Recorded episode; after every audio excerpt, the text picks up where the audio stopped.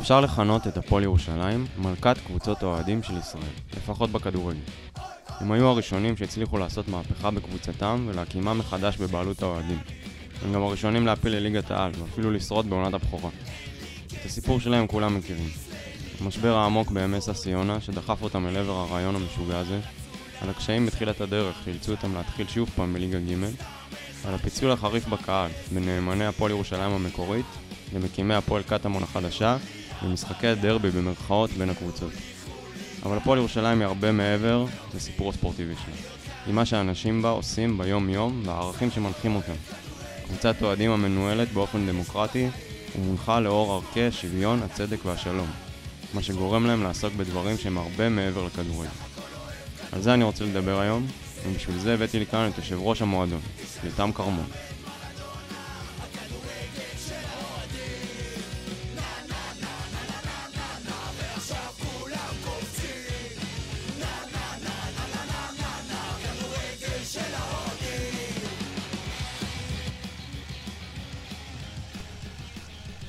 שלום יותם כרמון, מה שלומך? מצוין, מה איתך? יופי. אה, ספר לנו קצת על עצמך. טוב, אז אני יותם כרמון, אה, הרבה אנשים מכנים אותי קרפד. אה, אני יושב ראש של אה, הפועל ירושלים, כדורגל. למה קרפד? שאלה מעניינת. הסיפור המהיר הוא שבגיל 14 שהתחלף לי הקול, מי שהחליטה שיש לי קול של קרפד, ומאז נשאר בדרכים כאלה ואחרות. אני גם קצת שיתפתי עם זה פעולה. יותם יש הרבה, קרפד יש רק אחד. אה, אני מהנדס תוכנה, בן 36, אה, כבר שמונה שנים אה, מתנדב בהפועל ירושלים, אז הפועל קטמון ירושלים, והחל מלפני שנתיים אה, הפועל ירושלים. אה, ולפני חמש וחצי שנים אה, העברתי את ההתנדבות שלי למוד יותר רציני ורצתי לוועד המנהל, ומאז אני בוועד המנהל של המועדון, כשבשנתיים וחצי האחרונות אה, אני יושב ראש של המועדון. איך הגעת בכלל לאוהד הפועל ירושלים, קודם כל? טוב, אה, בגדול אני ירושלמי, נולדתי בירושלים. אה, להגיד את האמת, הייתי יותר אוהד של הכדורסל. הייתי אוהד מאוד רציני של הכדורסל, הולך לכל משחק, בית חוץ, יולב קאפ.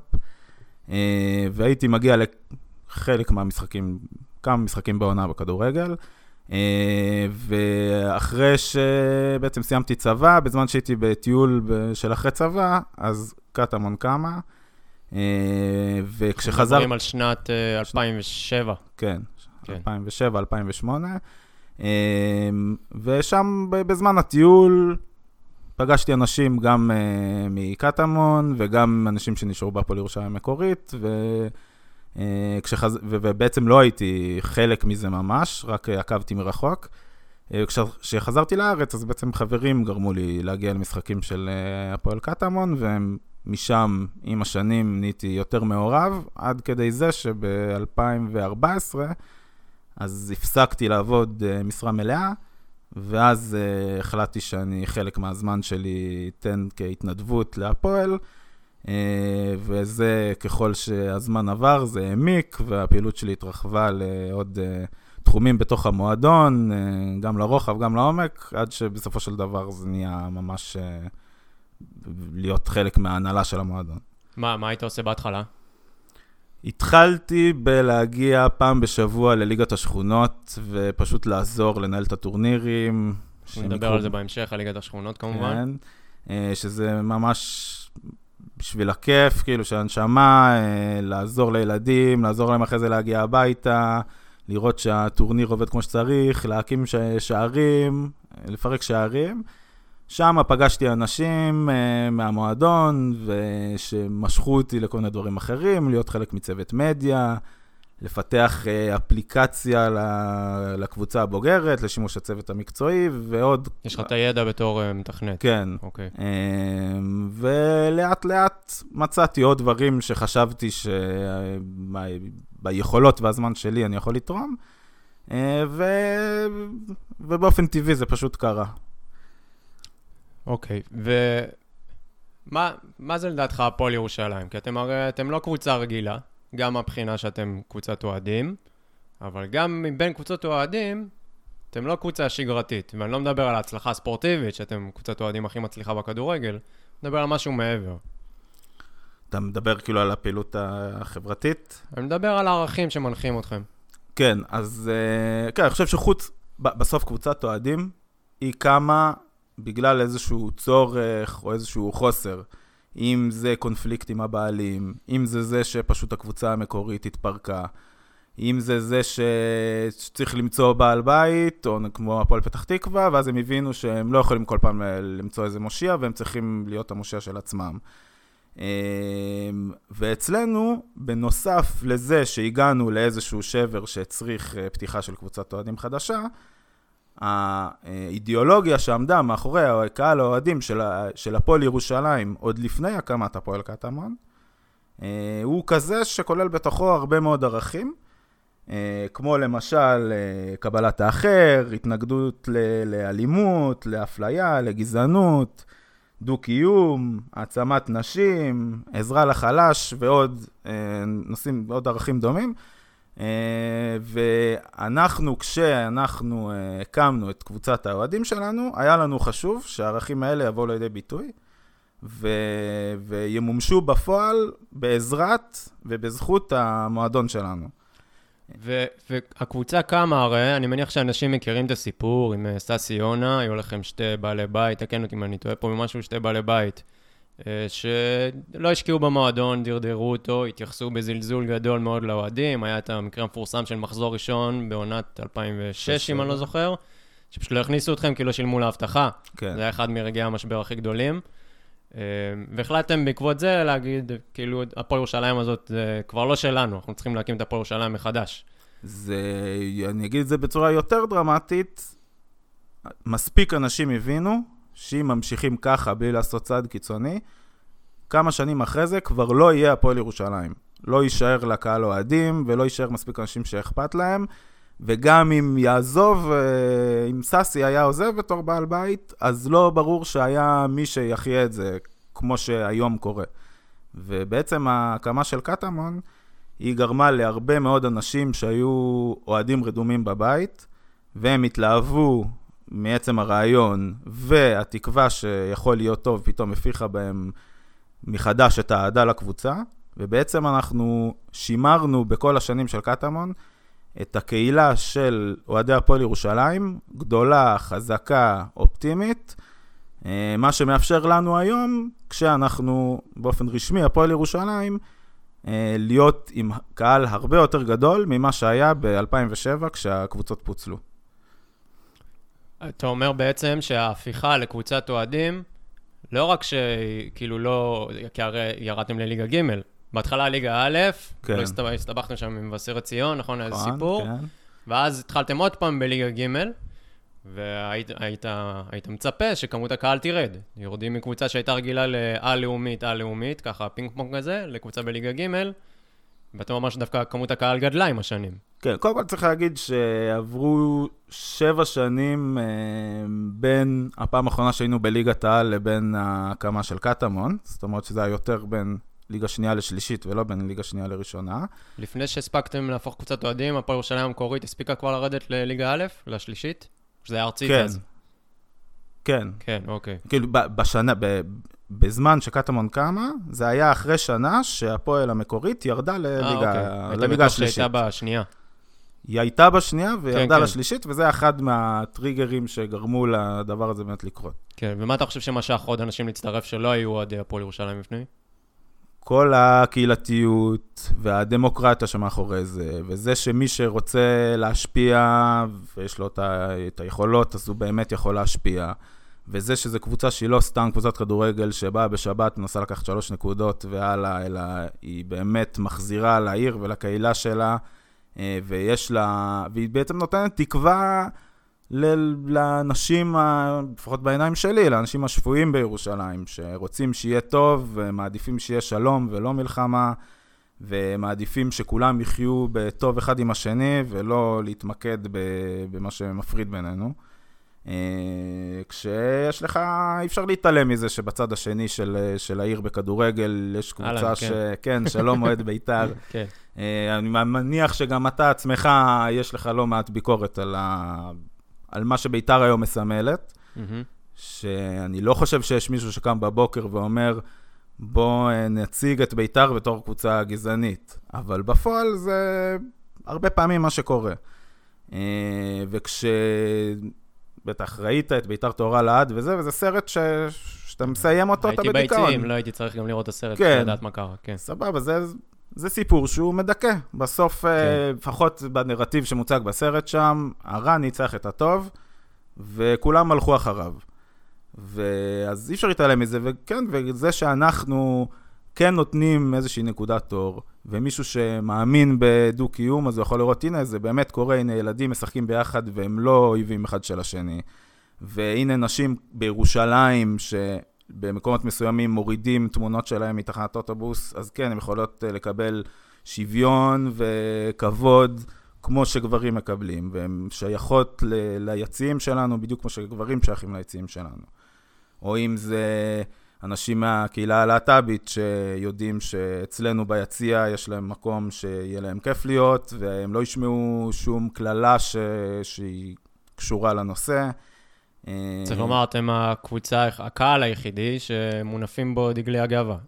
אה, כן, אני, אני שמעתי שבכדורסל היה עוד איזה קבוצה, אבל אני לא זוכר כרגע מי, אבל... אה, מי, למה אתה מחייך? לא הבנתי את הרפרנס. אה, לא, אין, רפרנס, אני פשוט לא אה, אוקיי. זוכר מהקבוצה, אבל... אה, אה, אבל בוא נגיד, בכדורגל, למיטב ידיעתי, אנחנו היחידים שזה קרה בהם, וזה גם קרה לא באיזה... כמות הביקורת שהייתה על זה הייתה מאוד מאוד נמוכה. כאילו זה קונצנזוס שזה דבר אה, נכון, ו- וזה גם למה אנשים באמת מרגישים אה, בנוח, כי, כי הם יודעים שזה לא סתם מס שפתיים, באמת כאילו, מבחינתנו אין הבדל. אז בוא נדבר רגע על מה זה קבוצת אוהדים בכלל, מה, מה זה אומר לדעתך? Uh, טוב, בגדול קבוצת אוהדים זה קבוצה בבעלות האוהדים. Uh, מכאן זה, זה ספקטרום מאוד גדול של, של אפשרויות, זה בין פשוט, כמו נגיד, ב, לא יודע אם מוגדרים קבוצת אוהדים, אבל מכבי חיפה בכדורסל, הם שהם לקחו את ג'ף רוזן בתור uh, מחזיק זכויות הניהול, הם הגיעו אותו להסכם לחמש שנים קדימה, ואחרי ההסכם uh, האריכו לעוד חמש שנים קדימה.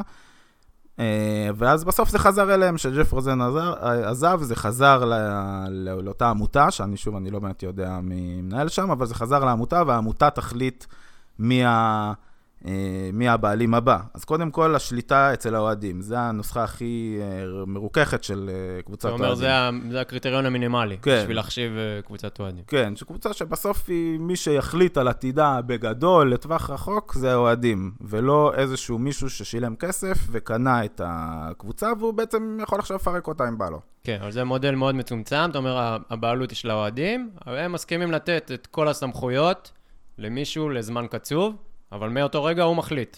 כן, זה, אוקיי. זה הכי קיצוני ל, ל, ל, לכיוון הנמוך. כן. ובכיוון הגבוה, יש קבוצה שהיא לא רק בבעלות האוהדים, אלא היא ממש בניהול האוהדים. יש כאלה שלדעתי יפריזו ויגידו שהכל צריך להתקבל על ידי האוהדים, וכל החלטה אפשר להעלות להצבעה דמוקרטיה ישירה. אני לא מאמין בזה, אני לא... לא רק, אה, בוא נספר, יש את הסרט המפורסם על- עליכם, מהשנים הראשונות של ההקמה. קטמון ברצלונה. כן, קטמון ברצלונה, שרואים שם את ישיבת אה, חברי עמותה הראשונה בסוף העונה הראשונה, שממש מצביעים על האם לפטר את המאמן או לתת לו להמשיך לעוד עונה. כן, אז זה אז עבד. שזה דמוקרטיה קיצונית. זה כאילו... זה יחסית קיצוני, אבל צריך להגיד שההנהלה של הקבוצה היא זאת שהחליטה להעלות את זה ל... ל... לחברי העמותה להצבעה, ויש קונצנזוס מאוד גדול, מאוד מאוד גדול, שזה הטעות וזה לא צריך לקרות. שהחלטות... נכון, הפסקתם עם זה כן. מאז. זה לא, מה זה הפסקנו? זה לא היה נוהל, זה היה משהו חד פעמי ש... שהאוהדים התבקשו להצביע, חברי העמותה התבקשו להצביע, ומאז זה לא קרה כי כולם מבינים, גם בהנהלה וגם ב... אצל... אצל חברי העמותה, שזה לא דבר נכון. שהחלטות מקצועיות צריכות להתקבל באופן מקצועי, מהמם. על ידי אנשים שמעורבים ומבינים וגם לוקחים את האחריות ויישאו בתוצאות אם ההחלטה הזאת לא תצליח. ולא רק אה, יחל, יחליטו מה שבא להם, אבל מישהו אחר יטפל במה שיצא מזה.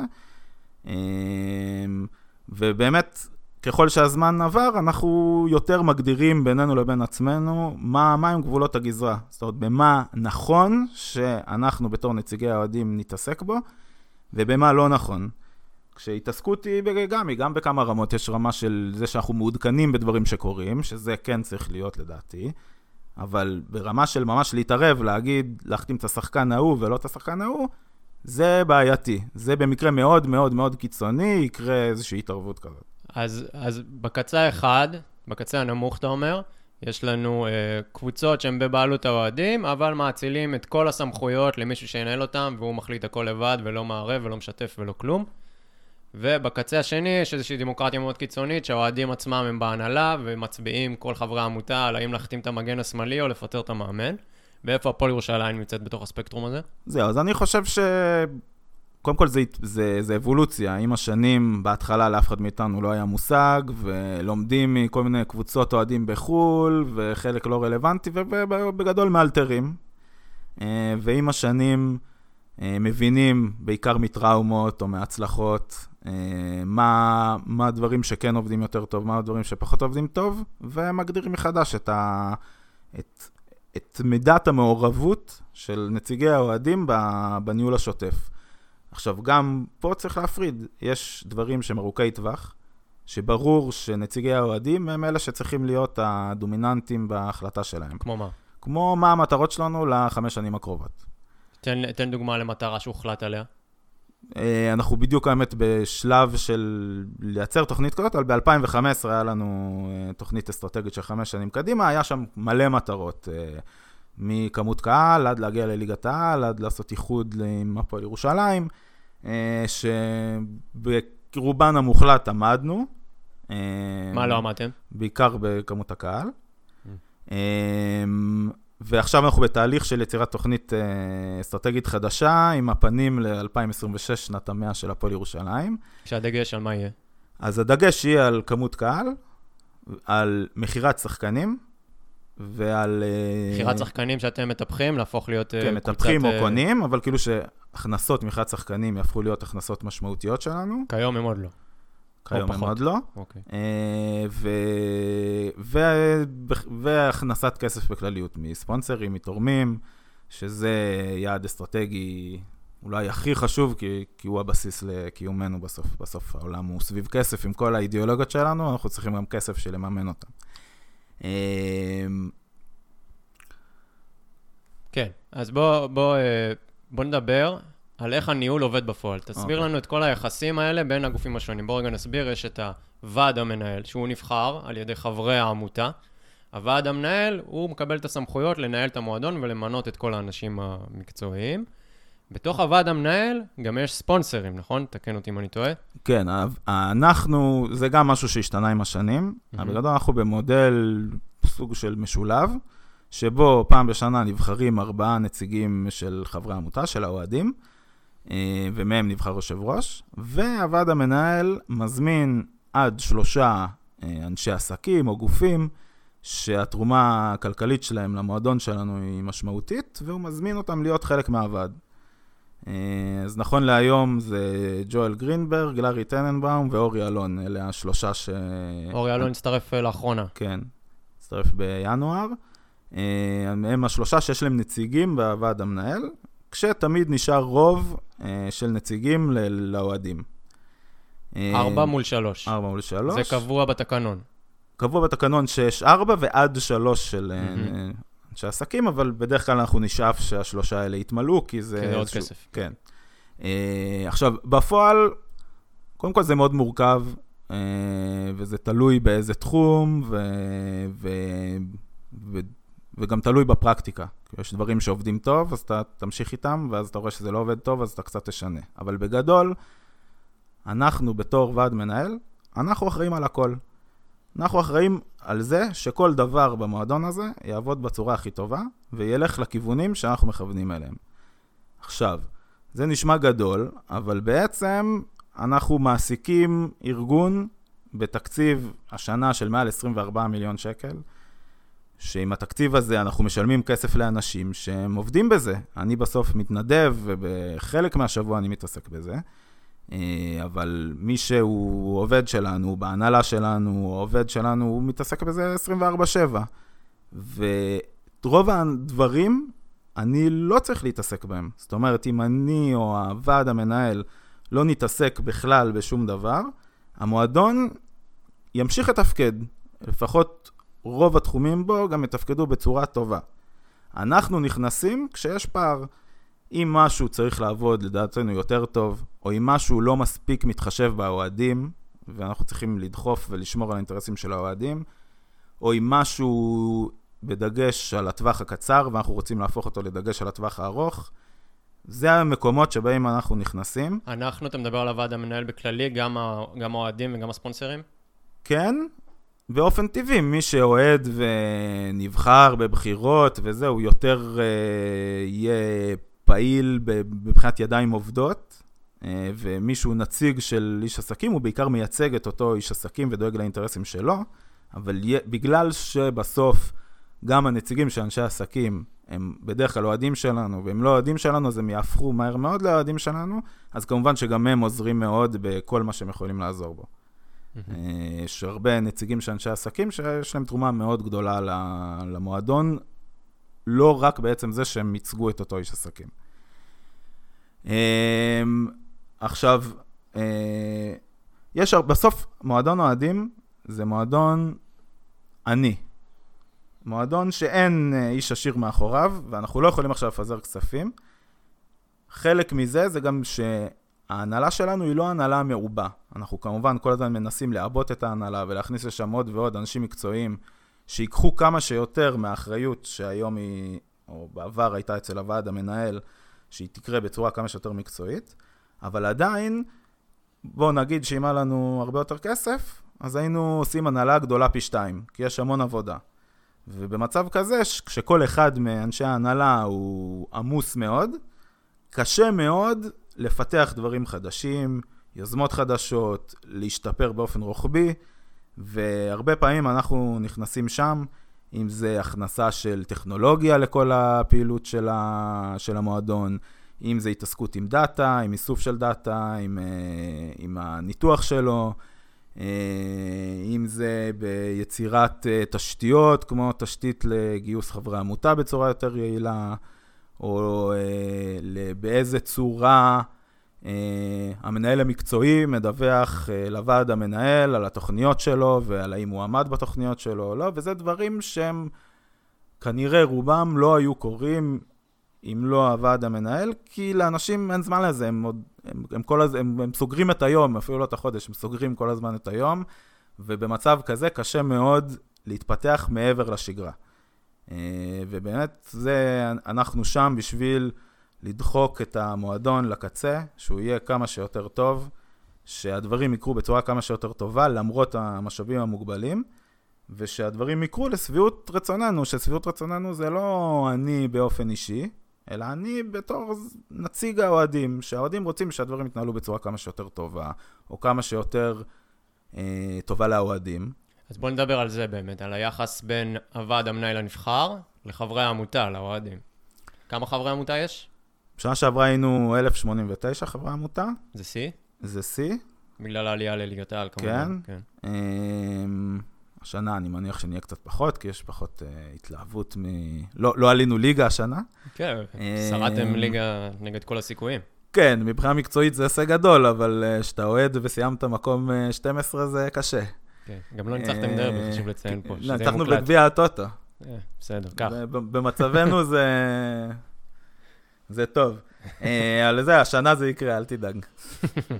אה, כן, חברי העמותה, יש, מה נגיד, בשני מישורים. במישור של פעולה ובמישור של ייצוג. זאת אומרת, בפעולה יש חברי עמותה שהם פעילים.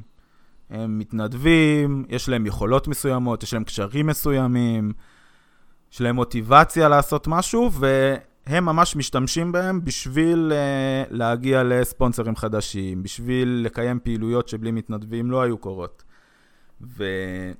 התפקיד שלנו, של הוועד המנהל, הוא להפעיל את הקהילה, היא לגרום לפעילה, לקהילה לפעול, אה, להתנדב, אה, להיות אקטיביים, אה, לייצר, להביא יוזמות חדשות, להקים יוזמות חדשות.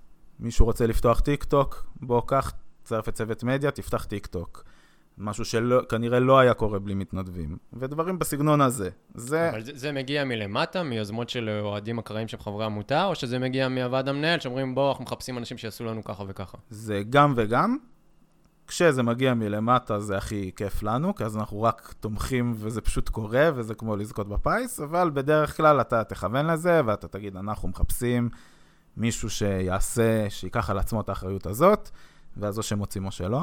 זה, אז זה דרך אחת של אה, אינטראקציה עם חברי העמותה, והדרך השנייה היא בתור זה שהם בחרו אותנו להיות הנציגים שלהם, והם יש להם שאלות, ויש להם דרישות, ויש להם בקשות, ויש להם כעסים, והתפקיד שלנו הוא להקשיב להם, להסביר להם, אם אנחנו מסכימים עם הביקורת, ליישם את הביקורת בפועל, במועדון עצמו, ו, ובעצם להיות ה... הידיים הפועלות של, של חברי העמותה, מה שהם רוצים שיקרה. בסוף אם יש דרישה רצינית למשהו שיקרה, הוא כנראה יקרה, והמנגנון בזה שזה כנראה יקרה, הוא בגלל שהנציגים של uh, חברי העמותה בוועד המנהל גורמים לא לקרות. וחברי העמותה, אה, אוקיי, אתה מדבר פה אבל על יוזמות, על uh, דברים ספונטניים יותר, או מלמטה או מלמעלה, אבל מבחינת הדברים בשגרה, מה, חברי, מה להיות חבר עמותה מקנה לך בפועל? אוקיי, קודם כל, הבסיס זה שפעם בשנה יש בחירות. פעם ו... בשנה, לא שנתיים? כן, פעם בשנה. אוקיי. אה, שבהם חבר העמותה בוחר את הנציגים שלו לשנה הקרובה בוועד המנהל.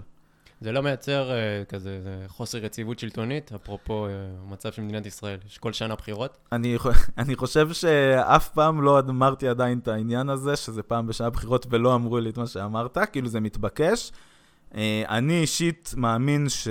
שזה נכון להשאיר את זה על שנה אחת. בקבוצות אוהדים אחרות זה בדרך כלל שנתיים, שלוש, מה שאני מכיר. אני לא יודע, אני האמת לא שמעתי על משהו שמעל שנה, אבל אני מאמין לך, אתה יותר אה, שמה. אבל אני מאמין ששנה אחת זה האיזון הנכון. א', כי אחרת בשנה האי-זוגית לצורך העניין, אז יהיה פחות משמעות לחברות בעמותה. Mm. כי להיות חבר ועד בקבוצת אוהדים זה דבר שואב, שאתה לוקח על עצמך הרבה אחריות, ו... ו... לפעמים מתחרטים תוך שנה, אתה אומר. זה מעבר, זה עוד לפני שאתה, שאחרי שנה אתה מתחרט, אתה לא תרוץ לזה, זה סיכון גדול מדי לרוץ לשנתיים. אני, 아, לת... אוקיי. אני לצורך העניין יודע שאם עכשיו אני רץ, במקרה הגרוע, אני... אה, שנה. אה, שנה אחת אה, תהיה לי בקריירה נגיד, פחות טובה. אבל אם אני יודע שאני לוקח עכשיו שנתיים שאני מסכן בהם את הקריירה, mm-hmm. אז אני לוקח סיכון יותר גדול, ואני חושב שזה לא דבר נכון, זה יגרום ל... לירידה באיכות של האנשים שירוצו לוועד המנהל, אבל זה, אנחנו עוסקים בניחושים, אנחנו לא באמת יודעים.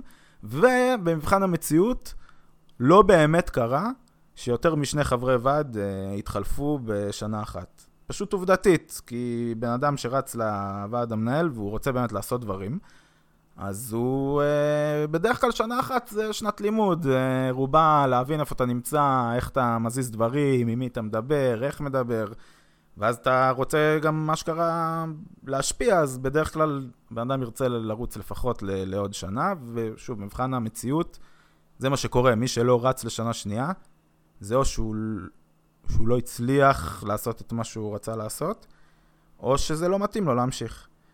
אה, וזה לא בגלל שמבחינה פוליטית פתאום הגיע איזה מועמד חדש שהחליף אותו. אז אני מאמין שזה כן אה, איזון הנכון בין, אה, בין יציבות לבין שמירה על ועד כמה שיותר איכותי, שזה מאוד חשוב, אולי נגיע לזה בהמשך.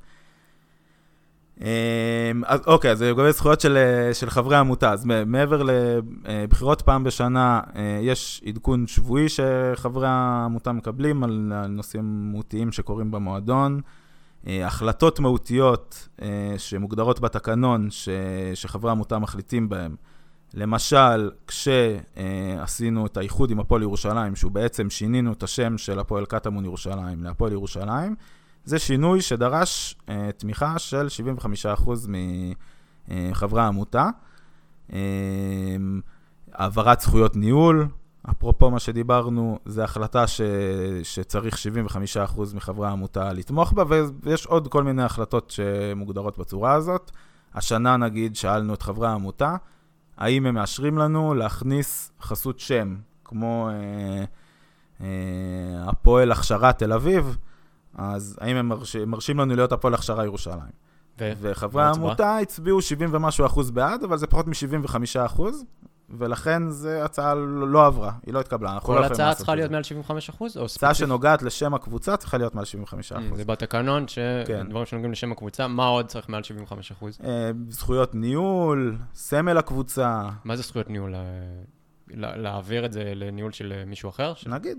אוקיי. כן, אז מישהו כאילו, אחר, גוף אחר. זה אופציה שנמצאת על השולחן. אם זה... מעל 75% מחברי העמותה ירצו שעכשיו כל ההנהלה תהיה בידי מישהו אחר, לא נציגי אוהדים, לא בדיוק, ההנהלה של העמותה היא עדיין תהיה נציגי אוהדים, אבל אתה יכול להגיד שלצורך העניין הקבוצה הבוגרת, או הקבוצה mm. הבוגרת במחלקת הנוער, היא תעבור לאיזשהו אה, גוף, איזו חברת ניהול, שיכול לשלוט בה איש עסקים, או כל הרכב אחר, שיהיה חלוקת סמכויות. יהיה סמכויות מסוימות שיש לחברת הניהול הזאת אה, אה, בידיים, ובשביל להעביר את הסמכויות האלה, האלה לאותה חברה, אה, חברי העמותה יצטרכו לאשר את זה ברוב גדול, ב-75%. אה, ושוב, כמעט כל שנה יש משהו שצריך להחליט עליו, ובעיקר זה שכשאתה חבר עמותה, ואתה פונה אליי בתור חבר ועד או בתור יושב ראש, אני חייב לך. אתה, אני הנציג שלך, אני לא יכול להגיד לך, עזוב אותי, לא, לא רוצה לדבר איתך. אני מקשיב. אתה יכול, זה יעלה לך ב... לא, זה לא עניין. בתיאוריה זה יעלה לי, אבל בוא, בסוף זה לא שאני... כן. זה לא שיש המון המון אנשים שרוצים להיות uh, בוועד המנהל, כן. אבל uh, כאילו זה לא המוטיבציה שלי זה אם יבחרו בי או לא, אבל כן המוטיבציה שלי, שאנשים באמת הם יהיו הבעלים של הקבוצה הזאת. אוהדים של הקבוצה, אם יש משהו, שוב, אם יש אוהד אחד שרוצה משהו וכל השאר לא רוצים אותו, אז מן הסתם זה לא יקרה. אבל אם יש משהו שהרבה אוהדים רוצים שיקרה, ואני משתכנע שהוא דבר נכון למועדון, הוא טוב למועדון, אז זה יקרה. בקבוצות אחרות, אתה בין לא תצליח לדבר עם אף אחד, לבין לא יתייחסו אליך ברצינות, ובכלל לא יהיה מספיק אוהדים שידברו איתם, בשביל שהם יוכלו לדעת שיש איזשהו משהו שחשוב. שהם לא קבוצות כן. אוהדים. כן, אין מנגנון כן. של uh, שיח של דין ודברים בין ההנהלה הזה, זה תלוי ברצונו הטוב. נגיד, uh, אני יודע שבמכבי נתניה יש רצון טוב מצד סגל להקשיב לאוהדים. אבל כן, מן הסתם, ב-99% מהקבוצות שהן בבעלות פרטית, אין לאוהדים אה, יותר מדי say, אלא אם כן הם כבר מתפוצצים ועושים איזשהו בלאגן רציני, וגם אז ממש לא בטוח שהם יקבלו מה שהם רוצים, וזה גם, כבר הגעת למצב שאתה צריך לעשות בלאגן, זה כבר לא נעים. כן, עכשיו, ומעבר לכל הדברים הטכניים שאמרתי, מה שבאמת חשוב, זה פשוט זה שאתה חלק מזה. אתה חלק מהגוף שמנהל את הקבוצה שלך, שמשאיר אותה בחיים, שמקדם אותה קדימה, ו... לא כולנו יכולים לתת ימים בשבוע של התנדבות, וזה בסדר, ויש אנשים ש... שאין להם גם שנייה אחת פנויה חוץ מלהגיע למשחק, אה, לעזור לקבוצה וזה בסדר, ועל התרומה שלהם היא בדיוק זאת, שהם גם מראים לנו שהם הגב שלנו בזה שהם מצטרפים לעמותה, וגם בסוף יש איזושהי תוספת אה, כספית על זה שאתה בעמותה, וזה תוספת שהיא משמעותית מאוד בשבילנו. בשנה שעברה הכנסנו כמעט מיליון וחצי שקל מחברי העמותה, שזה הכנסה מאוד משמעותית. בוא נדבר רגע על מה... דיברנו פה על הרבה דברים שמייחדים אתכם, אתם גם uh, קבוצת אוהדים הראשונה, אתם גם קבוצת אוהדים עם ערכים מאוד ספציפיים, שלא קיימים נראה לי באף מועדון בישראל. Uh, עוד מעט נגיע גם לכל הפרויקטים שאתם uh, מנהלים, תחת הערכים האלה. אבל קודם בוא נדבר על ההצלחה, מה גרם לכם דווקא להצליח הרבה יותר משאר קבוצות אוהדים. נגיד גם בכוכבית, שגם התחלתם לפני השאר, כאילו, חוץ ממכבי יפו, שקמו שנה אחריכם, וגם הם כבר בלאומית, הרוב קמו כמה שנים טובות אחריכם, אז גם יש לכם את הפור של הזמן, ועדיין, ברור שיש פה משהו שעובד טוב, והגעתם לליגת העל כנגד כל הסיכויים, לדעתי, דווקא לא נגד כל הסיכויים, אבל כנגד כל הסיכויים של לדעת הסקפטים. אה, אז מה, איך זה קרה? טוב, בוא, זה כל, כל אחד יהיה לו את הפרשנות שלו. אבל איך שאני רואה את זה, קודם כל, הסיבה שקבוצת האוהדים הוקמה, היא סיבה מוצדקת. במקומות אחרים לפעמים זה הסיבה אני לא אגיד אם היא מוצדקת או לא, אבל על ידי רוב הקהל היא לא נתפסה כמוצדקת, נגיד אה, הפועל חיפה. הפועל רוביץ'. למשל. שאני אני לא אומר פה את דעתי, אנחנו רק אומרים שחלק גדול בקהל שלהם אה, לא חשב שזה רעיון אה, ראוי. עובדתית, בהפועל חיפה בליגת העל, בזמן שיש את הפועל רובה שפירא חיפה, הגיעו מעל אלף אה, צופים למשחק. זאת אומרת, זה היה, הקבוצה המקורית, היא הייתה חיה ובועטת. ובמצב כזה זה מאוד קשה להצליח. במקרה שלנו, זה נכון שנשארו לא מעט אנשים בהפועל המקורית, אבל אם אנחנו מסתכלים גם מספרית, אז הרבה הרבה יותר עברו לקטמון, וגם וגם גדלתם תוך כדי. כן, וגם מי שעבר לקטמון היה שלם עם הדרך שלו. הוא היה, כאילו, חוץ מזה שלכולנו היה קשה שלא קוראים לנו הפועל ירושלים, ועובדה שבסוף עשינו את זה, אה, ו- והיום אנחנו הפועל ירושלים, אבל אנשים האמינו שהפתיחה של קבוצת האוהדים זה הצעד הנכון שיציל את הפועל ירושלים. היום אנחנו רואים שזה באמת נכון בדיעבד, אבל אז זה היה הימור, ניחוש, אמונה. אה, וקודם כל היה לנו בעיני עצמנו את הלגיטימציה לעשות את הדבר הזה, שזה דבר מאוד חשוב. אה, מעבר לזה, כמובן, הון אנושי. בסוף הקהילה שלנו היא אמנם לא הקבוצ- הקבוצה עם הכי הרבה קהל בארץ, אין לנו 20 ו-30 אלף אה, אוהדים כמו לקבוצות הגדולות, אה, אבל היא קהילה בממוצע עם הרבה אנשים איכותיים, הרבה אנשים אה, שמקושרים בעולם האקדמיה ובעולם התקשורת. קהל של עיתונאים. ובהייטק, כן, אומרים לנו שאנחנו עיתונים, אבל במציאות אנחנו הרבה יותר עורכי דין והייטקיסטים.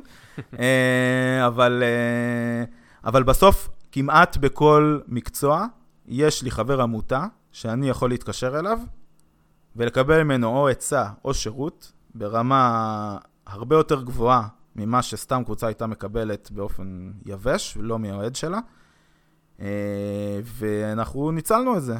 אה, גם אני בסוף, לצורך העניין, אני מהנדס תוכנה, אה, יש לי יכולות שברוב קבוצות הכדורגל לא קיימות, אין שם מישהו שיודע לתכנת, כאילו, זה פשוט אין. אין מישהו ש, שמבין את, ה, את העולם הזה. עכשיו, שוב, זה לא שעכשיו אני מלך ההייטק של העולם, אבל כשאתה מסתכל על כדורגל, אז זה מאוד מאוד משמעותי. אה, זה דבר ראשון, קודם כל הון אנושי, זה, זה הכי חשוב. Uh, מעבר לזה, הגישה של הקהל שלנו היא גישה שהיא יותר סומכת על המערכת ויותר סבלנית. זאת אומרת, לנו יש דרך ארוכת טווח, אם בשנים האחרונות התמקדנו בגידול צעירים ולתת להם uh, להשתפשף ולבנות שלד של שחקני בית שסביבו תיבנה הקבוצה ולא נבנה כל שנה את הקבוצה מחדש. זה משהו שיש לו מחיר. מחיר בגולים ש... שאתה לא אמור לספוג בליגת העל, אבל אתה סופג אותם. Uh, הרבה מחירים ששילמנו, למשל, עונה שעברה גם מבחינה מקצועית. Uh, והשנה אנחנו נהנה מהפירות שלהם, כי, uh, כי השחקנים הם כבר יותר מנוסים ו... ויהיו הרבה פחות טעויות. אבל הדבר הזה דורש סבלנות. אם אין סבלנות, ו- ומאמן שמאמין בפיתוח צעירים, אז בגלל שהוא חלק מהעונה מתחת לקו האדום, אז אם היינו מפטרים אותו, אז כל ההתקדמות של, ה- של הדרך שלנו הייתה נעצרת. זה ישתלם. זה, בדיעבד זה ישתלם. אה, ובכל מקרה, עצם האמונה בדרך, וההליכה לפי הדרך, והשיתוף פעולה של הקהל, שנותן לנו את הגב ומאמין לנו וסומך עלינו, זה משהו שקשה מאוד למצוא, בטח בכדורגל הישראלי, וזה משהו שהוא נותן לנו הרבה כוח, גם מול שחקנים, גם מול מאמנים, גם מול עצמנו. גם זה שאנחנו באמת הולכים בדרך שאנחנו מאמינים שהיא טובה להפועל, ולא בדרך שתגרום לאנשים להגיד עלינו מחמאות, או לא לרדת עלינו, שנה שעברה ירדו עלינו הרבה מאוד. זה לא הפריע לנו. יש כאלה שתפסו את זה בתור התנשאות. שכולם אומרים עלינו אחד, ואנחנו חושבים שתיים, אז אנחנו חושבים שהמצאנו את הכדורגל ואנחנו מתנסים על כולם. אה, אבל אני מפרש את זה פשוט כאמונה בדרך שלנו. אנחנו מקבלים את זה שיכול להיות שהדרך שלנו היא מוטית, ובדיעבד אנחנו נבין שאנחנו בדרך לא נכונה, זה לא שאנחנו בטוחים שאנחנו יותר חכמים מכולם, אבל בחרנו דרך, אחרי הרבה מחשבה, ובשיתוף הרבה אנשים, וזאת הדרך שהמועדון הזה הולך בה. ואנחנו מאמינים בה, גם אם אנשים מבחוץ אומרים שהיא טובה, וגם אם לא. שאומרים שהיא לא טובה ויש ביקורת, אנחנו מקשיבים לביקורת, לפעמים מיישמים חלקה, לפעמים לא מקבלים חלקה, כי אנחנו לא מסכימים איתה, אבל אנחנו מאמינים בדרך שלנו. אה, ובסוף זה שאנחנו מבינים איפשהו ב-2014 ירדנו בתור קטמון מליגה לאומית לאלף. לאלף לליגה השלישית. עד אותו רגע, אצלנו בראש, עוד רגע יש איחוד. הנה, רק הגענו לליגה לאומית, ואנחנו מול הפועל זה היה על המקורית. השולחן, היה מום. היה מום מאוד רציני, ו- ואנחנו אמרנו, הכל פה זה זמני, זה, ה... זה המנוף שלנו בזה שסוף סוף יהיה פה איחוד, ו- והאוהדים יהיו אלה שיחליטו מי ינהל, ולא אה, אוהד בית"ר כמו יוסי סאסי. אה, אוהד בית"ר. כן. אה, אז, ו, ובירידה הזאת, בעצם כולנו הבנו ש, שאנחנו כאן בשביל להישאר, מה לעשות? שלא רוצים למכור לנו את הקבוצה המקורית, ולא רוצים לעשות איחוד. ואנחנו צריכים לבנות פה מועדון כדורגל אמיתי, רציני, מצליח, בשביל שבבוא היום, שהשם הפועל ירושלים יהיה סוף סוף זמין, אז אנחנו ניקח אותו, ונהיה הפועל ירושלים כמה שיותר חזקה, מה שאכן קרה בסוף. והתהליך הזה של להבין שבשביל להיות חזקים צריך לבנות מועדון כדורגל, ולא פשוט לרוץ באינרציה, ומה שיוצא יוצא ולקוות לטוב, אלא להבין שצריך להקים פה מחלקת נוער עם תוכנית אסטרטגית, וצריך uh, לחבר הרבה יותר בין החלק המקצועי לחלק החברתי, שזה יגדיל את זה וזה יגדיל את זה, ובכלל ללכת בדרך שמניחה שאנחנו פה לעוד הרבה שנים. ושם היה השינוי המחשבתי, ושהיום אנחנו רואים את הפירות שלו. אה, ו... ואני לא מאמין שבלי הדבר הזה היינו מגיעים לאן שהגענו אליו היום. אז בוא נדבר באמת על החלק החברתי שדיברת עליו. אה, אז חוץ מכל מה שאמרנו, בהחלט, משהו שאפילו מייחד אתכם יותר מכל שאר הקבוצות, וקבוצות אוהדים אה, בפרט, זה באמת כמות הפרויקטים שאתם מנהלים תחת המועדון. פרויקטים שהם לא קשורים ישירות למועדון עצמו, הם לא פרויקטים מקצועיים של המועדון, הם פרויקטים חברתיים לגמרי.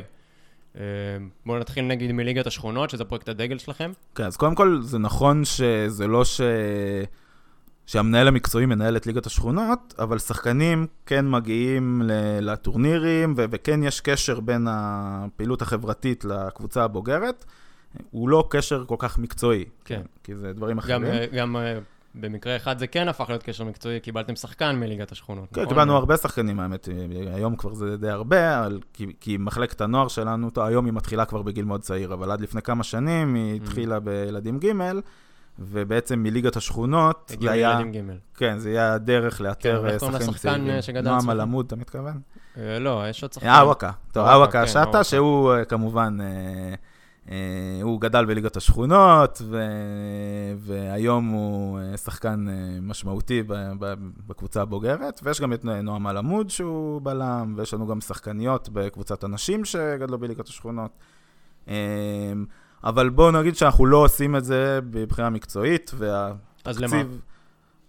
קודם כל, דבר ראשון, זה, זה לעשות טוב. ליגת השכונות, קודם כל, מה זה ליגת השכונות? ליגת השכונות, תוכנית שכוללת מעל 600 uh, ילדים וילדות, uh, שבעצם הולכים לבית ספר, מקימים קבוצה, uh, יש כיתות ד' עד ו' ויש כיתות ז'-ח', והם פעמיים בשבוע נפגשים למרכז למידה, שזה תגבור בהכנת שיעורי בית, או תגבור בדברים מסוימים, או למשל אה, ילדים ערבים, אה, לימוד עברית, כל מיני דברים שיעזרו בהמשך החיים, זה בין העשרה לבין תגבור, ובסוף המרכז למידה יש אימון כדורגל עם מאמן.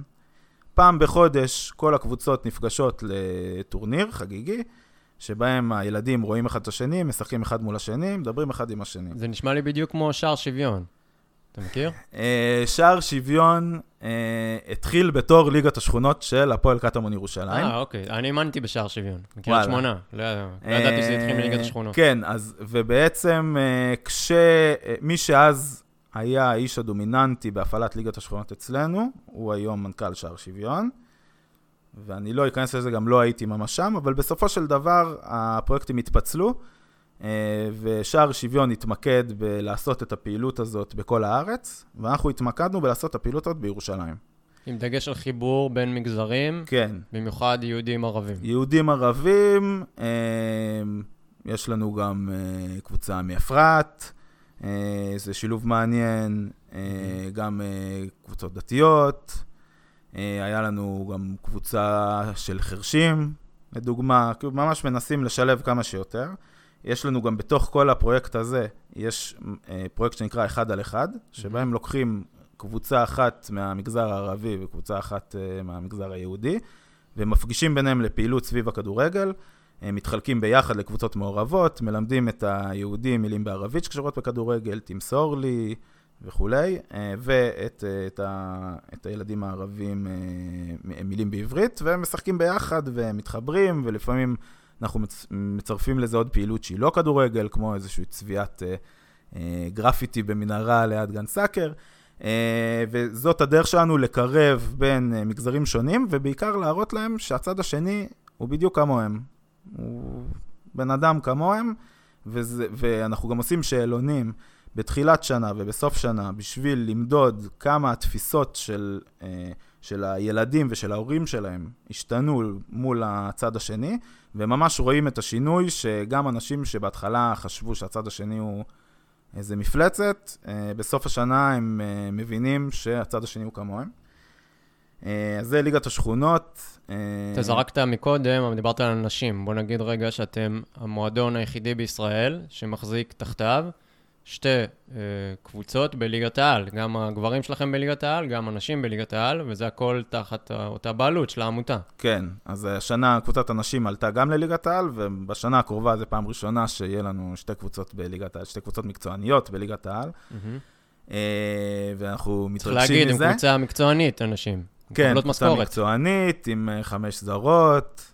אה, קבוצה לכל דבר, כמובן בתקציבים הרבה יותר נמוכים אה, אצל הגברים, אבל, אבל אנחנו מתייחסים לזה באותה רצינות, ונותנים גם מקום. עכשיו עשינו טקס, עשינו אירוע פתיחת העונה, והיה טקס הצגת השחקנים, והעלינו גם את השחקנים וגם את השחקניות בזוגות, שחקן ושחקנית. וכולם היו על הבמה ביחד, ועשו יאללה הפועל ביחד, וזה מאוד חשוב לנו להראות שזה באמת, אנחנו מתייחסים לזה באותה רצינות. Uh, מעבר לזה, יש לנו גם, אנחנו מפעילים ליגה של נשים חובבות בירושלים. Mm-hmm. מין uh, מדינת הכדורגל לנשים כזה, רק בירושלים. Uh, כן, פעם בשבוע, אוקיי. אוקיי. אימון אה, מקצועי, מאמן מקצועי לקבוצה של אה, נשים שרוצות, ופעם בחודש אה, טורניר, דומה לליגת השכונות. כמה קבוצות כאלה יש? אה, שש קבוצות. שש. אה, אנחנו מפעילים גם אה, קבוצות משולבות, שזה קבוצות שמשלבות בין בעלי מוגבלויות או מתמודדי נפש לאוהדים שלנו. בעצם קבוצות friending, שהרעיון הוא שהאוהדים שלנו ואותם אנשים עם מוגבלויות הופכים להיות חברים אמיתיים. וזה באמת, זה פרויקט מרגש, באמת, תבוא לראות את זה, זה משהו שאתה לא, לא תצא עם עיניים אה, יבשות בסוף, ויש מתמודדים בתוכנית שהם מגיעים לכל משחק שלנו, וכל הקהל מכיר אותם, והם חלק בלתי נפרד מהקהילה שלנו, בדיוק כמו שאני חלק מהקהילה הזאת, וזה באמת דבר מאוד מרגש ומשמעותי. יש, יש אמ, טורניר פעם בשנה, נכון? של כן. המשולבות. יש עוד קבוצות שמחזיקות קבוצה משולבת. אז בעצם אנחנו יצרנו את הקבוצות המשולבות הראשונות, mm-hmm. ובעקבותינו, אז קבוצות אחרות גם uh, רצו... כן, יש להפועל פתח תקווה, יש לעירוני אשדוד. יש גם אפילו להפועל באר שבע. יש, יש אה, כן. שש או שבע קבוצות כאלה בארץ. מכבי נתניה גם, אני נכון. חושב. כן. בטורניר האחרון, הפועל פתח תקווה ניצחו, נכון? כן. יש שני סוגים של, של קבוצות כאלה. עם אה, מגבלה התפתחותית ועם מגבלה אה, אה, התנהגותית. סליחה אם לא אמרתי את הביטויים נכון, ואז באחת מהם אנחנו זכינו, ובשנייה הפועל פתח תקווה. אה, יש שתי טורנירים נפרדים כן, לשתי סוגי מגבלות. הם פשוט הרבה יותר מתלהבים מאיתנו שהם זוכים במשהו, אז הם מחצנים את זה יותר. הם גם זכו בטורניר עמותות אוהדים. ש... שאנחנו כן. מארגנים, גם אתם השתתפתם. כן, זה אני, זה, כן. כן זכינו כמה פעמים, אבל שם אנחנו לא בדיוק מפגינים אה, עליונות. אה, עורכי דין והייטקיסטים פחות טובים מכדורגל. אני יודע. ויש לכם, בנוסף גם, אה, איזשהו פרויקט של ילדים על הרצף, כן, נכון? אז השנה פתחנו פרויקט שעליו זכינו באות מגן הכבוד, מנשיא המדינה, של כדורגל לילדים עם מגבלות uh, התפתחויות, בעיקר uh, ילדים על הרצף האוטיסטי. זה פרויקט חדש יחסית, כן, נכון? כן, בן שנה.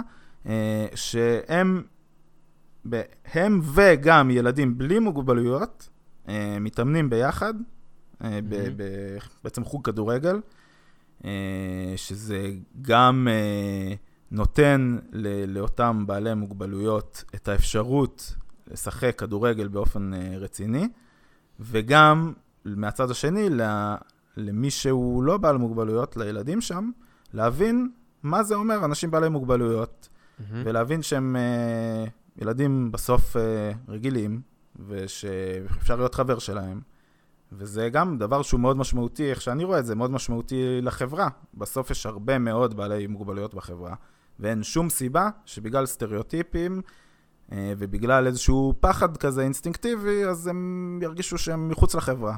וזה גם מאוד חשוב לנו. אה, חוץ מזה, יש גם אה, פרויקט של אה, אה, ילדים בסיכון בכפר הנוער קריית יערים, מהמם. שאנחנו מפעילים שם אה, בעצם חוג כדורגל, שנותן לילדים איזושהי תקווה ואיזה משהו להיאחז בו, ובאמת יש שם סיפורי הצלחה מילדים ש... שהעתיד שלהם היה להיות בארגוני פשע, אנשים שמתגייסים לצבא ועושים שירות קרבי ומשמעותי, והם חלק רגיל מהחברה הישראלית, אה, בין השאר בעקבות העבודה שלנו. כמובן שרוב הקרדיט הולך לכפר הנוער עצמו, אבל אנחנו בהחלט, לפחות לפי הפידבקים שאנחנו מקבלים מכפר הנוער, יש לנו שם חלק משמעותי. והפרס הפרס השני שזכיתם, זכיתם עכשיו בשני פרסי נשיא, נכון? כן, אז בעצם אה, בכל שנה בליגת העל מחולקים שני אה, פרסי מגן הכבוד. פרס אחד על הפרויקט המצטיין, ופרס שני לקבוצה המצטיינת, על כל הפעילות הקהילתית שלה. מהמם. ואנחנו השנה, פעם ראשונה בהיסטוריה, מאז שיש את הפרס הזה, זכינו בעצם בדאבל בשני הפרסים. מהמם. הוא גם המועדון המצטיין וגם הפרויקט המצטיין, שהוא... יש לי הרגשה שכל עוד אתם תהיו בליגת העל, אתם תמיד תזכו בפרס לפחות של הפעילות הכללית. לאו דווקא פרויקט ספציפי, אבל... אם, אה, אם לא הייתה פוליטיקה, היית צודק, כן. אבל אנחנו אה, מבינים שיש גם פוליטיקה וזה בסדר. אה, אבל בואו נגיד שאף אחד מאיתנו לא הופתע בזה שאנחנו מועדון המצטיין מהבחינה הזאת, כי... אני לא חושב שיש לכם מתחרים מבחינת פעילות חברתית בישראל, ומעבר... בפער ענק. כנראה שזה נכון, אבל מעבר לזה, בסוף, אני עכשיו כבר כמה דקות אה, נותן רשימה של פרויקטים ונותן עליהם מילים טובות. זה לא סתם אה, מהפה לחוץ, זה באמת אני מאמין בזה, ובאמת הפעילויות האלה הן עושות את מה ש... הן הן- הן מקדמות את הערכים שלנו, והן באמת עושות שינוי אמיתי בירושלים ובקהילה שלנו, ו... וזה באמת פעילות שהיא באמת מרגשת. אם אתה תבוא לראות את הפעילויות, אתה תתרגש. אתה וכל בן אדם אחר, ובגלל זה אנחנו באמת חושבים שזה מגיע לנו, ואנחנו גאים בזה שעכשיו, שיגידו את השם הפועל ירושלים, כולם ידעו שזה מועדון עם פעילות קהילתית מאוד גדולה ונחשבת.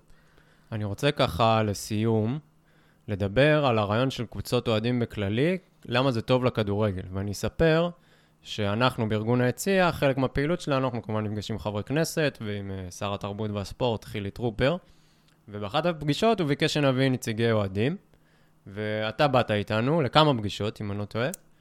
אה, כי אמנם אתה יושב ראש של מועדון, אבל זה קבוצת אוהדים, אז אתה אוהד לכל דבר. ואחד הדברים שאמרת שם, אני זוכר, זה שאחת הדרכים, גם אה, לשפר את מצב הכדורגל בכללי, גם להידרש לבעיית האלימות והגזענות, היא באמת לחזק עמותות אוהדים, לחזק בעלות של אוהדים על המועדונים שלהם, ולחזק את השילוב של אוהדים בתוך תהליכי קבלת ההחלטות. וזאת למרות שאתם בעיקרון אה, כבר התבססתם כקבוצת אוהדים. כאילו, אתם קבוצת אוהדים, אה, תקן אותי אם אני טועה, כאילו, ברזל, זהו, זה מה שאתם, זה, יש לכם את הערכים שלכם שמנחים אתכם, יש לכם את הפרויקטים שלכם, יש לכם אפילו הצלחה ספורטיבית, ובכל זאת אתה חושב שזה טוב לכדורגל בכלל. אז רגע, קודם כל אני נענה על הסוף לגבי כמה אנחנו מבוססים. אמנם אולי מבחוץ זה נראה כאילו זהו, אנחנו כבר מסודרים. אבל המסודרים הזה, מאחורי הקלעים, הוא הרבה מאוד מאוד עבודה קשה של אנשים שבכל, בהרבה שלבים בשנה, אתה לא בטוח שתצליח לעמוד ביעדים שלך, נגיד הכלכליים, ואתה מפחד שתסיים בגירעון, או שאם עכשיו איזשהו ספונסר מרכזי שלך יעזוב, אז אתה לא יודע איך תמלא את הפער הזה, ובסוף אתה צריך לעמוד בתשלומים. עם כל הכבוד לכל מה שדיברתי עליו בפרק הזה, בלי כסף זה לא שווה כלום, וכל הפעילויות האלה שאמרתי, בלי אנשים וגופים יקרים שתורמים כסף בגלל שהם מאמינים בפעילות הזאת, הפעילות הזאת לא הייתה יכולה להתקיים, כי, mm-hmm. כי אין איך לממן אותה. רק צריך אבל לומר שלפחות אם משווים אתכם לקבוצות שהן בתחתית ליגת העל, אה, אז התחרות שלכם היא לא מול מועדונים שיש, ב... שיש, שיש הבדל מהותי מהבחינה הזאת, גם אם תחת בעלות פרטית. כלומר, אני לא בטוח שגם בחדרה ומועדונים כאלה, אם מאחורי הקלעים זה לא מה שקורה במהלך העונה, גם uh, בקושי שורדים את התשלומים ובקושי, ומקווים uh, להצליח לשלם הכל בשביל לשרוד בליגה ודברים כאלה. לגבי... בעיקרון כרגע זה התחרות שלכם. לגבי חדרה זה אולי נכון, אבל אם תסתכל לצורך העניין על מכבי פתח תקווה או על אשדוד, mm. שיש בעל בית שבסוף, אם יש גירעון, אז הוא אולי יפסיד כסף שהוא יכול להפסיד. הוא לא יאהב את זה, אבל uh, זה יכול לקרות, הקבוצה לא תתפרק. אנחנו, אם עכשיו אנחנו נכנסים לגירעון גדול מדי, שאנחנו לא נצליח לעמוד בו ולא נמצא את הפתרונות איך לכסות אותו, יש באמת סכנה לעתיד המועדון. בגלל שאני יודע מי האנשים המעורבים, ובגלל שאנחנו כבר הרבה שנים מצליחים, אז יש לנו ביטחון גדול עד כדי בטוח בזה שאנחנו נצליח. המועדון שלנו הוא חי וקיים. Mm-hmm. אבל אה, קודם כל, אם אנחנו רוצים לקפוץ מדרגה, יכול להיות שאנחנו נצטרך לחשוב מחוץ לקופסה ולמצוא פתרונות ש... יאפשרו שילוב בין דרך לקבל הרבה יותר כספים, לבין לשמר את, ה, mm-hmm. את אופי המועדון אה, כמו שהוא היום. ואת הבעלות של האוהדים. כן. איך שאני רואה את זה, בעלות תמיד צריכה להישאר אצל האוהדים. Mm-hmm. המועדון הזה הוא שייך לאוהדים, הוא לא שייך לאף אחד. מי שרוצה לנהל אותו, זה אפשרות, אפשר לדבר על זה. אתה אומר אפשר לוותר על סמכויות מסוימות תמורת כסף, אבל לא על הבעלות. כן, לתקופה מוגדרת. כן. ובסופו של דבר, אנחנו צריכים לבטח את עצמנו, שאם יגיע מישהו שפועל בניגוד למה שאנחנו מאמינים, או שלוקח את הקבוצה למקום מקצועי רע, שאנחנו לא רוצים שהוא יישאר, אז אנחנו נוכל לטווח רחוק לדאוג לז... להחלפה שלו. Mm-hmm. וזה משהו שלדעתי הוא מאוד חשוב ואסור לוותר עליו. לגבי ניהול אוהדים, בסופו של דבר אנחנו הקמנו את, את קטמון, לא הקמנו בשביל לשחק Football Manager. לא בשביל להחליט מי פותח בתור בלם ולא, איזה, ולא מתי מפטרים מאמנים. אנחנו הקמנו את זה כי לא נתנו לנו להיכנס למשחק, mm-hmm. וכי הבעלים היו יורקים עלינו, וכי פשוט לא ספרו אותנו, ולקחו את המועדון למקום מאוד מאוד רע. אה, וזה באמת דברים שאסור לנו לוותר עליהם. אנחנו צריכים לבטח את עצמנו ככה, שתמיד יספרו את האוהדים, ותמיד ירצו, אחת המטרות העיקריות, תהיה אה, לספק את הרצונות של האוהדים, ושהמועדון יתנהל לפי איך שהם מאמינים שהמועדון צריך להתנהל. ובנוגע לטובת הכדורגל בכלל, נחזור למה שאמרת שם לחילי. כן, אז קודם כל, אני, מה שאני אמרתי, זה שבקבוצת אוהדים, בניגוד לקבוצה אחרת, בעצם אין הפרדה בין האוהדים למועדון. כשיש הפרדה בין האוהדים למועדון, ניקח סתם דוגמה אה, אה, אקטואלית, בני יהודה ואברמוב. Mm-hmm. אז זה פשוט שני צדדים שונים. האוהדים הם אה, כועסים אה, על משהו שאברמוב עשה, והם פשוט עושים נגדו מלחמה. Uh, המלחמה הזאת כוללת גם לקבל בכוונה קנסות מההתאחדות, לדוגמה. צריך לומר, את המלחמה הזאת קורית. עכשיו אנשים, uh, נגיד סתם, חברים שלי, כאילו אני זה שמבין בכדורגל בחברה, אז אומרים לי, מה זה, תגיד, איך uh, הכדורגל הישראלי התפתח ככה, תראה, מכבי חיפה, מכבי תל אביב, מאיפה זה בא? אני אומר להם, מה, איזה התפתח? מול זה, מול שתי הקבוצות האלה, היה לנו שתי קבוצות שלפני שנייה לא יודעות אם הן פותחות הליגה. בני ריינה וביתר עברו בשנייה האחרונה, אה, סכנין וביתר. עברו בשנייה האחרונה, גם עם ריינה היה סיפור, הם לא ידעו אם יפתחו את הליגה באיזשהו שלב. ובני יהודה נמצאת במצב, אה, דסקל בדיוק כתב על זה, כתבה, נמצאת במצב זומבי, והפועל כפר סבא נמצאת במצב זומבי. קבוצות מתות מהלכות, שלא ברור מה קורה איתן, קבוצות שפעם היו אימפריות עם המון אוהדים. וכל זה תחת uh, מודל ניהול פרטי. חוץ, מ... חוץ מחיפה, מכבי תל אביב, באר שבע, קצת מכבי נתניה. אצל הרבה זה לא עובד בניגוד אליכם. אני מסכים, אבל בוא נסתכל רגע על המצב שבו זה לא עובד. Mm-hmm. אם במצב שבו זה לא עובד, אז אתה מאשים את הבעל בית שלך, שהוא שונה ממך, הוא צד שונה ממך, ואתה עכשיו במלחמה איתו, אתה רוצה שהוא ילך, ואתה עושה לו את המוות ששהוא ילך. Mm-hmm. אז אנחנו נמצאים פה במצב של מלחמה. לעומת זאת, אם נגיד אנחנו ניכשל, אז האוהדים מבינים שזה לא איזה מישהו זר נכשל והם יכולים ללכת איתו למלחמה, אלא הם מבינים שהם עצמם הם בחרו את האנשים שהובילו את זה, וההחלטות של אותם אנשים, הם גרמו לכישלון. ובסדר, צריך להפיק לקחים ואולי להחליף את האנשים, אבל בסוף מי שנכשל זה כולנו ביחד. Mm-hmm. וזה מצב שהוא לא מלחמה. הוא אולי מצב שפל, הוא אולי מצב משברי, אבל כולה, כמו שכולנו ביחד נכנסנו אליו, כולנו ביחד נצא ממנו. ובקבוצת אוהדים, אחרי לפחות כמה שנים, נופל להרבה מאוד אנשים מהאסימון, שהם הקבוצה. הם לא יכולים עכשיו למחות מול הקבוצה. המחאה צריכה להיות פשוט להקים גוף פוליטי בתוך העמותה, או לקבץ מספיק אנשים בתוך העמותה שחושבים משהו, ולהעביר את ההחלטה הזאת, או לשכנע את חברי הוועד שצריכים לעשות את זה, או להגיד להם, אם אתם לא מצהירים לפני הבחירות שאתם עושים משהו, אנחנו לא בוחרים בכם. אבל עכשיו, למחות נגד המועדון בקטע רע, זה דבר שהוא, אתה מוחה נגד עצמך. ואם עכשיו אתה, אה, יש אלימות ביציע, אז זה לא סתם מישהו הלך מכות עם מישהו. זה שני אנשים... זה שתי בעל הבתים של המועדון. גם אם הם לא בעלי הבית של המועדון, זה שני אנשים שהרסו את האווירה ביציע. והם לא רק שניהם, אה, זה קיבל אה, שתי מכות וזה שלוש. לא. זה כל האלפיים, שלושת אלפים איש שהיו ביציע, הם נפגעו מהדבר הזה, ותדמית המועדון נפגע מהדבר הזה, ותדמית המועדון והכיף ביציע הם באחריות... כולם. ש- כולם, אנחנו, באחריותנו. וברגע ש...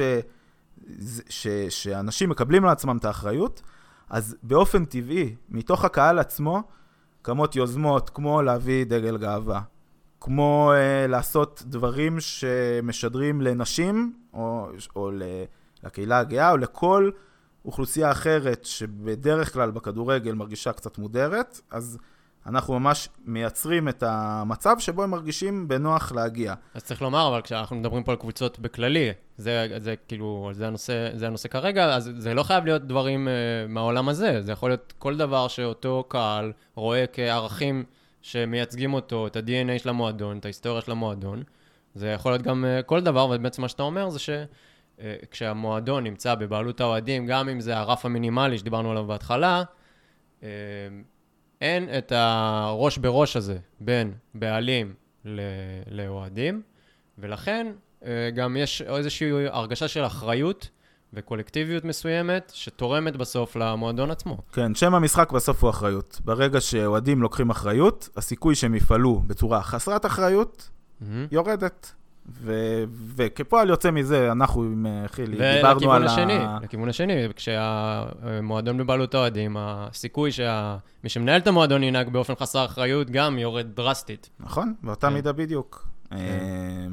וגם הבעלים, כאילו, נציגי האוהדים, הם בסוף יהיו אנשים יותר שבאים בקטע יותר צנוע מאשר מישהו שעכשיו בא ושם מלא כסף, שבצדק הוא לא, הוא יחליט מה לעשות עם הכסף, זה הגיוני, הוא הביא את הכסף. אבל mm-hmm. אנחנו, זה לא שאנחנו עכשיו, אולי חלקנו חל... הבאנו כסף, אבל אנחנו לא באנו על הטיקט הזה, אנחנו באנו על הטיקט של, אנחנו נציגי האוהדים, ובגלל אנחנו צריכים לעשות מה שטוב למועדון, שזה בחרו אותנו. וגם אוהד שבא ליציע, אם הוא עכשיו בוחר לעשות מעשה מסוים, המעשה הזה הוא בקונטקסט של, הוא צריך לעשות את מה שטוב למועדון. בניגוד לחלק מקהלים של קבוצות, של חלק מהקבוצות האחרות, שבהם חלק מהקהל מחליט שהוא בעיה של הבעלים, מה שיקרה עכשיו מה, מהתוצאות הרעות של ההתנהגות שלו. ובגלל זה אני באמת מאמין שבסוף זאת הדרך. גם הרבה, הרבה פעמים יש קונפליקט בין האוהדים למועדון, שנובע מעצם זה שזה שני גופים שונים. Mm-hmm. ואין איזה, יש איזה הרגשה שהבעלים עושה מה שבא לו. ואצלנו, הרגשה כזאת, יהיו אנשים שאולי יגידו אותה במילים, אבל היא לא באמת יכולה לקרות. בצורה רציונלית, אתה מסתכל על זה, זה לא יכול לקרות. כי הבעלים הם האוהדים. Mm-hmm. ויש ממש, זה אותו צד בדיוק, אה, וזה פשוט מוריד את המתח, מגביר את, את האחריות, ואני באמת חושב שבסוף, כמו שבגרמניה, בסוף בסוף הקבוצות הן בעלות האוהדים, עם כל האקספשנים שיש שם, כן. אבל uh, זה כן צריך להיות משהו, לדעתי, בחוק, שכל קבוצה היא בסוף בבעלות האוהדים. זה בסדר למכור אותה, אם חושבים, או להעביר זכויות ניהול, זה בסדר, אבל בסוף צריך להיות ברור, חוגג, אם הוא נפטר מביתר, הוא לא מעביר אותה לאברמוב או למישהו אחר. הוא מחזיר אותה לאוהדים. האוהדים יחליטו שהם מוכרים לאברמוב, בסדר. אבל עצם זה שאנשים די רנדומליים, עם אינטרסים לפעמים מוזרים, הם, אלה שמחליטים למי קבוצה תעבור, במקום שעשרות אלפי האוהדים של הקבוצה יחליטו לאן הקבוצה תעבור. זה דבר שלדעתי הוא לא הגיוני. הוא לא הגיוני, ובגלל שבסוף גם לדעת אנשים, הם מבינים את זה או לא, זה לא הגיוני. זה מה שמייצר הרבה מהקונפליקטים והרבה מההתפרעות. ככה לסיום, יותם, אה, מה אתה מאחל לעצמך? להפועל ירושלים הכוונה? אה, בעונה הקרובה, ואולי עוד כמה עונות קדימה. משהו, משהו, רצ... משהו הגיוני, אבל לא עכשיו, אה, אליפות לא תיקחו. קודם כל, אני מאחל לנו שאנחנו נמשיך להתקדם, ולא נלך אחורה. שההתקדמות שלנו, בין אם היא מהירה או איטית, זה כבר תלוי בפרשנות, אבל שהיא תמשיך, ושאנחנו משנה לשנה נהיה יותר טובים. גם אם זה לא יתבטא במקום בטבלה, זה, זה יתבטא בפיתוח שחקנים, או בהכנסות, או בפיתוח של אה, פעילויות חדשות, או של מחלקות חדשות, אה, ושאנחנו פשוט נמשיך במגמת ההתקדמות. אה, כשברור שהמטרה היא בסוף גם להגיע להישגים מקצועיים. בעוד כמה שנים אני מאמין שנוכל להגיע לפלייאוף עליון, ונוכל אולי איכשהו לקחת גביע. ואולי בעונה סופר מוצלחת אפילו לחשוב קצת יותר, אבל זה תלוי בהרבה מאוד דברים, ואני לא אחסה את העתיד. אבל ברור שזה החלום, ו- ואני כן חושב שהוא אפשרי. אה, אני גם חושב שרק עכשיו אנחנו מתחילים ליהנות מעלייה לליגת העל. זאת אומרת, אנחנו אחרי שנה קשה, עם הרבה טעויות ולמידה מטעויות ודברים חדשים והלא נודע, ועכשיו אנחנו מגיעים לעונה שנייה, שבה אנחנו עם הרבה לקחים. ומבינים לאן אנחנו הולכים, וגם השם שלנו הוא הרבה יותר מפורסם, והמעמד שלנו בכדורגל הישראלי הוא הרבה יותר גדול, ואני מאמין שזה גם יפתח לנו אופציות אחרות, שאולי יאפשרו לנו להתקדם בקצב עוד יותר גבוה מההתקדמות הטבעית שלנו. אה, ואני באמת מקווה שפשוט שנתקדם כמה שיותר. והכי חשוב, תמיד אני אומר, הכי חשוב, שאנחנו נבטיח שלכמה שיותר שנים קדימה, תהיה לנו קבוצה לעוד. זה הבסיס. אז אני אאחל לכם אותו דבר, תמשיכו אה, להפסיד בדרבים, זה גם נורא חשוב. נשתדל שלא. אה, אוקיי, תודה רבה, יותם כרמון. תודה לך. היה כיף, לדעתי פודקאסט, אה, הפרק הכי מעניין שלנו עד כה, זה באמת היה נורא מלמד לכל מי שמעניין את העולם הזה של קבוצות אוהדים בכלל, וספציפית מה שקורה בהפועל ירושלים. מאחל לך שגם אתה תמשיך להתקדם ושהבא יהיה עוד יותר מעניין. תודה רבה, להתראות.